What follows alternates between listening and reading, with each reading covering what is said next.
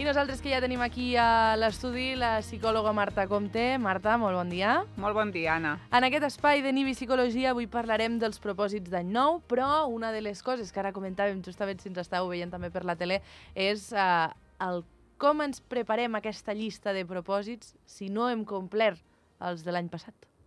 Doncs bé, aquí està, aquí està el tema. Eh, el que hauríem de parar-nos a pensar és eh, què, què ha passat aquest any 2023 per no haver pogut portar a terme a, aquells propòsits que, que m'havia fet. No? De vegades tenim propòsits que són molt ambiciosos, eh, ens posem molt propòsit, molts propòsits i realment fer, fer canvis, eh, introduir conductes noves, introduir hàbits, és una cosa que requereix eh, temps, que es, fa, que es fa pas a pas i de vegades simplement hem de valorar eh, mm, totes aquelles conductes que ens han apro aproximat a un objectiu, tot i que l'objectiu encara sigui, encara sigui llunyà. No? Si avui està en plena forma física, eh, però potser eh, el que estic fent és eh, anant a fer esport doncs un dia a la setmana, doncs potser no estic en plena forma física, però ja estic anant a fer esport un cop a la setmana, per tant ja he introduït un canvi que s'aproxima a aquest objectiu d'estar estar en forma física. No? Uh -huh. I, I per tant aquesta aproximació hauríem d'estar contents i de valorar-la i no desanimar-nos per dir, ostres, és que fa un any i no m'he posat en forma física. Bueno, és que posar-te en forma física requereix temps,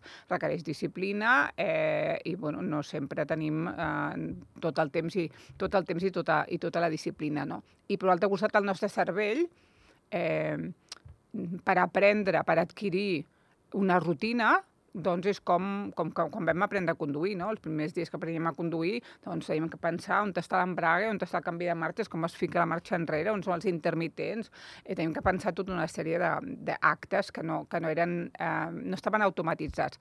A, a mesura que anàvem conduint, conduint, conduint, doncs aquests actes eh, s'integren en el cervell per la pràctica i arriben un moment que es converteixen en actes, en actes automàtics. Però per això requereix pràctica, com que la conducció traducció no és una cosa que practiquem, doncs, bueno, doncs queda, queda integrat en, en el cervell i, i se'ns queda, se queda per sempre. No? Però tot allò que no practiquem amb tanta assiduïtat, per exemple, si estic aprenent un idioma però no tinc amb qui parlar-lo, doncs eh, serà difícil que, és més difícil que jo pugui anar, jo pugui anar integrant, no? I tinc que passar de eh, faig algo conscient, és a dir, parlo un idioma i penso ai, com era el futur, de, eh, com es feia el temps verbal del futur. Primer, de forma conscient, tinc que pensar per, a, per utilitzar el futur quan parlo un futur, i després perquè es converteixi en una, en una cosa automàtica. Uh -huh. Però, si això no s'ha integrat i deixo de parlar aquell idioma, doncs tornaré al meu català d'origen, perquè el meu català d'origen sí que és un programa que està molt ben instaurat perquè el vaig aprendre de petita i aquest és molt difícil, molt difícil que, que se'n perdi abans d'incorporar un, un idioma nou. Per tant, Marta, com han de ser aquests propòsits ara que doncs, arriba, estem a 19 de desembre, ens queden 12 dies per arribar a final d'any, com ens hem de plantejar aquests propòsits? Quins serien els punts claus que han de tenir aquests propòsits? Els propòsits han de ser, han de ser realistes i han de ser petits.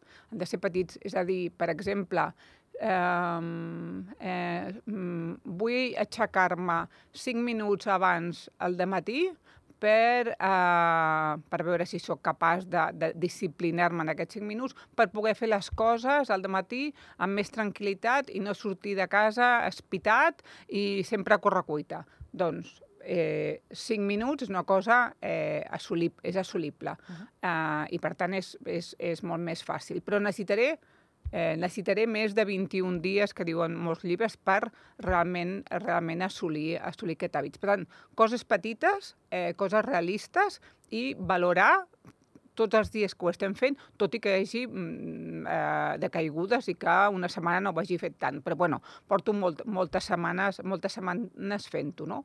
Eh, hem de diferenciar el que, és, el que és la motivació. La motivació seria com la, eh, la, la flama que encén eh, una espelma i després la perseverança, que serà l'espelma. L'espelma és el que ha de ser gran, el que ha de durar, perquè si no som perseverants ja puc tenir la motivació, però perquè duri eh, hem de ser perseverants. I, I de vegades és difícil ser perseverant, eh, és el que costa més, no? perquè eh, mantenir, mantenir, mantenir, mantenir una cosa. Això és el que costa. Per tant, han de ser coses realment que siguin importants per nosaltres, que realment les, les vulguem, perquè si no el nostre cervell eh, de supervivència també ens fa autoenganys. Però no passa res, no n'hi ha per tant, no cal que ho facis, no et ve de gust, ai, quina mandra. També ens crea pensaments que ens mantenen en, en l'estatus en el que tenim en aquell moment i, i és veritat que sense fer aquests canvis no ens morirem. No, no, ens, para, no ens passarà res d'altre món, continuarem sobrevivint, no? Però no haurem implementat millores d'alguna conducta que, que ens haurem eh, proposat. Clar, però aquesta motivació pot ser que ens duri, no?, un mes. I amb aquest mes, el que deies abans, eh, aquests 21 dies que, que diuen els llibres, si en un mes hem tingut aquesta motivació, però després aquesta motivació marxa, que la com motiva... ho gestionem, això? Clar, la motivació és la flama. És a dir, el difícil és continuar fent les coses quan, no, quan ja no tinc tanta motivació. És a dir, el, per tant, el tema no és la flama que encén l'espelma. El, el tema és la perseverança de mantenir-te de mantenir-te en allò. Per tant, ser una cosa que realment vulguis, perquè a més a més en un mes segurament no ho, no ho assoliràs. Quan ens fem objectius irrealistes ens frustrem perquè dius, ostres, doncs no he après anglès en un mes. No, clar, és que no, no aprendràs anglès en un mes. Eh, ni en dos, ni en tres, no? Si ets, és a dir, de petits apreníem amb, eh, com a esponges, de forma inconscient, no ens vam donar compte quan vam aprendre l'assadari, quan vam aprendre les taules de multiplicar, quan vam aprendre un idioma que vam aprendre, es va aprendre de forma automàtica i ara l'hem d'aprendre de forma conscient conscient i, voluntària, i, i això costa més. Però la bona notícia és que el cervell aprèn tot allò que practica. Per tant, hem d'anar practicant i ser hem perseverants, que és el que ens deies, hem Hem d'anar practicant, exacte. Quines qüestions us trobeu, sobretot a consulta, aquests propòsits que creieu que són més habituals que la gent es pugui arribar a plantejar en un final d'any, com podria ser ara, i per iniciar-los ja en el que seria el dia 1 del 2024, o el oh. dia 2 ja. Home, doncs els, alguns dels típics és deixar de fumar, mm. eh, menjar de forma sana, mm. eh, fer activitat física. Aquests són els tres principals, no? Jo diria que sí, però bueno, no estic donant una opinió, no mm. tinc una dada estadística fiable, eh? Però seria una opinió del que, del que recullo, sí. I aquests són els típics que no s'acaben complint? Bueno, eh, deixar de fumar, eh, el tabac, per exemple, és una substància que és molt addictiva i no sempre és tan fàcil deixar de fumar com, com la gent es pensa. Per tant, de vegades necessitaran algun tipus d'ajuda d'alguna manera, d'un professional, de parts de nicotina, de xiclets, d'alguna conducta substitutòria que els ajudi a, a fer aquest pas, no? Anem a parlar, Marta, si et sembla, d'aquestes festes de Nadal. Mm, per aquella gent que eh, no li agradin o no se senti a gust amb aquestes celebracions, sigui per la causa que sigui, per estar doncs, en, en un problema o que té algun problema eh, laboral, ha perdut alguna persona estimada en els últims mesos, com s'afronta això? jo crec que hem de diferenciar tres grups de persones. Les persones que en general les festes de, de Nadal els agraden, les persones que no els agraden tota, cap tipus de festa que estigui predeterminada com que has d'estar, que s'ha de celebrar i que tu has de passar bé com, com un condicionant, que no els agrada celebrar ni, ni Nadal, ni els agrada celebrar Sant Joan, ni els agrada celebrar eh, la castanyada, eh, és a dir, no, no els hi fa especial il·lusió eh, festes que, són, que, són, que estan com marcades, que estan com determinades, no? Uh -huh.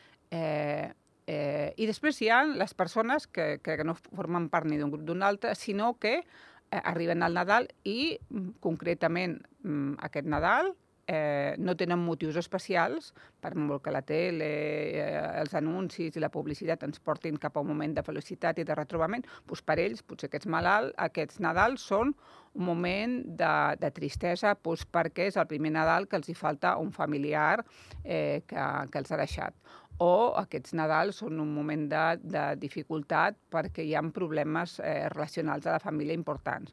o per aquest Nadal hi ha problemes eh, professionals perquè algú, algú ha perdut la feina o està eh, passant un moment difícil a la feina, o eh, hi ha problemes eh, dins de la parella i mm, eh, no es poden obviar eh, el, el, el dia de Nadal. És a dir, hi ha tota una sèrie de problemes que formen part de la vida que eh, de vegades no els, no, no els podem borrar eh, pel fet de que sigui el dia de Nadal perquè són tan importants que ens condicionen el nostre, el nostre estat d'ànim. No? I jo crec que els, potser els més importants són les pèrdues. No? Si, si al voltant del Nadal, o, o aquest any és el primer any que passarem un Nadal amb una absència, amb un canvi important, eh, pues, pues algú que, que ens ha deixat, una parella que s'ha separat i que aborda el seu primer Nadal eh, separat, els nens pues, estaran amb el papa però no estaran amb la mama o a l'inrevés, no? És a dir, hi, ha, hi haurà un canvi d'aquest trencament, doncs pot ser, tot això pot ser dificultós i, i,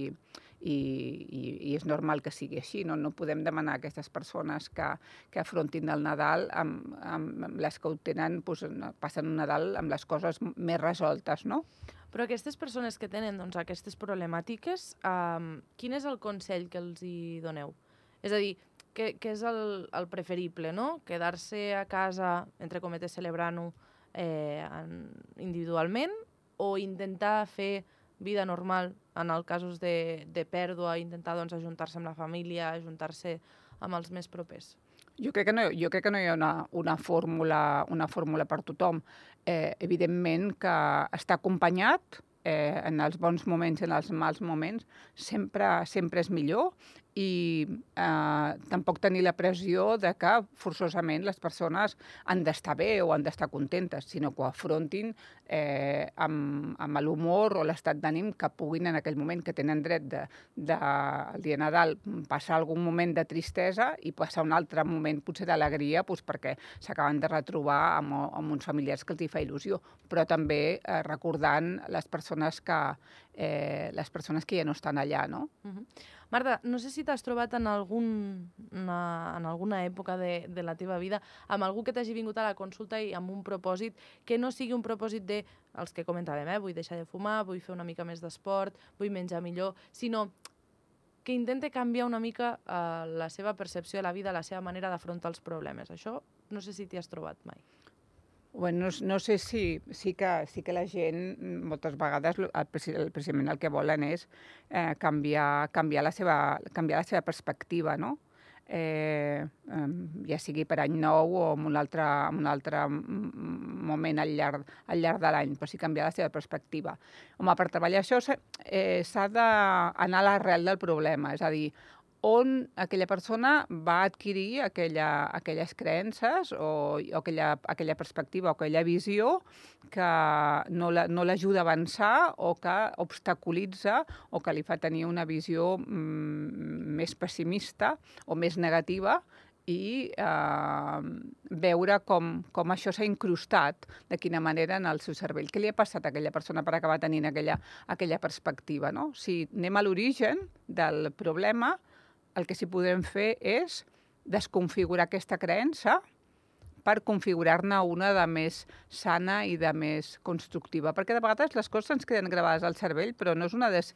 però no de vegades, sempre, no és una decisió que hem pres de dir, ai, ara em quedo amb aquesta creença, mm. ara em quedo amb aquesta idea. Tenim una sèrie de creences doncs, que, que han vingut del nostre entorn, de, familiar, de l'escola, de, de l'època on hem crescut, que se'ns han anat quedant, eh, i, i el cervell les ha fet seves, però nosaltres no ha sigut un acte de, de, de, de triar aquelles, aquelles creences. Però després anem per la vida amb aquestes percepcions i amb aquestes creences, no? Anem amb aquest, amb aquest programa eh, i potser aquest programa va ser útil en un moment donat, però potser no és un programa... Eh, no s'actualitza aquest programa, no? És com les aplicacions del telèfon, que les hem d'anar actualitzant, no? I si no l'actualitzem, potser aquest programa, que en un moment donat era útil, ara ja no ens és útil.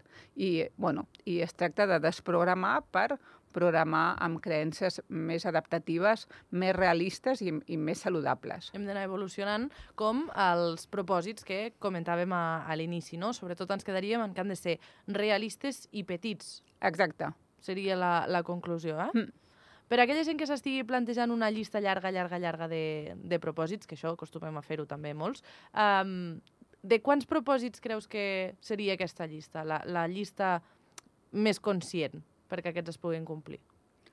Uh, jo crec que entre 3 uh, 3 i 5 propòsits ja és, és una quantitat màxima a la, que, a, la que es pot, a la que es pot assolir, perquè cada un d'aquests propòsits ens requerirà temps, eh, eh, temps afegit a, a la nostra vida, que en general ja tenim una vida molt ocupada, molt plena, amb moltes coses a, a assolir tant personal com professionalment com per, com per carregar-la amb, amb moltes coses més, no?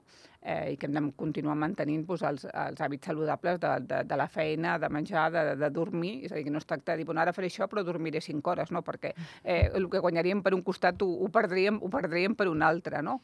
Uh, llavors, bueno, mm, propòsits petits, però valorar eh, a que, com estem avançant en aquests propòsits que, que estem portant a terme eh, cada, cada dia 5 minuts. Si faig cada dia 5 minuts una cosa, 365 dies multiplicat per 5 minuts, fa molts minuts d'aquesta cosa, no? I potser no hauré avançat tot el que jo volia, però eh, hauré, hauré avançat, hauré avançat. I per tant em dona la satisfacció de que estic en la, en la bona direcció, no? Per tant, no ens hem d'ofuscar si no complim un propòsit d'un any per l'altre, eh? No, sempre... Però hem de mirar els passos que hem fet, l'evolució que hem anat tenint durant l'any. Exacte, sí. Solament que, que haguem introduït canvis i que aquests canvis eh, haguem sigut capaços de mantenir-los, no? Doncs, eh, doncs això ja està, ja està molt bé, perquè el cervell, et dic, no té necessitat d'introduir canvis una part del cervell, no? I llavors, és, bueno, eh, és una cosa que realment ho fas perquè creus tu la necessitat, no? És una cosa que, que, que és important per tu. Uh -huh. Marta, moltíssimes gràcies per acompanyar-nos. Se'ns ha acabat el temps. Hem parlat de propòsits, hem parlat de com afrontar aquestes festes de Nadal. El que ens queda, desitjar-te unes bones festes i que ens veiem l'any vinent. I tant, igualment. Que molt bones molt festes bé. a tots vosaltres i fins l'any vinent. I nosaltres, que nosaltres continuem, ara fem una petita pausa, anem a les informacions, a les notícies amb la Sílvia Mestre i tornem, que ens quede una horeta amb les companyes de Morabanc i l'enseria en broma que tornarem a ser aquí amb més novetats. Fins ara.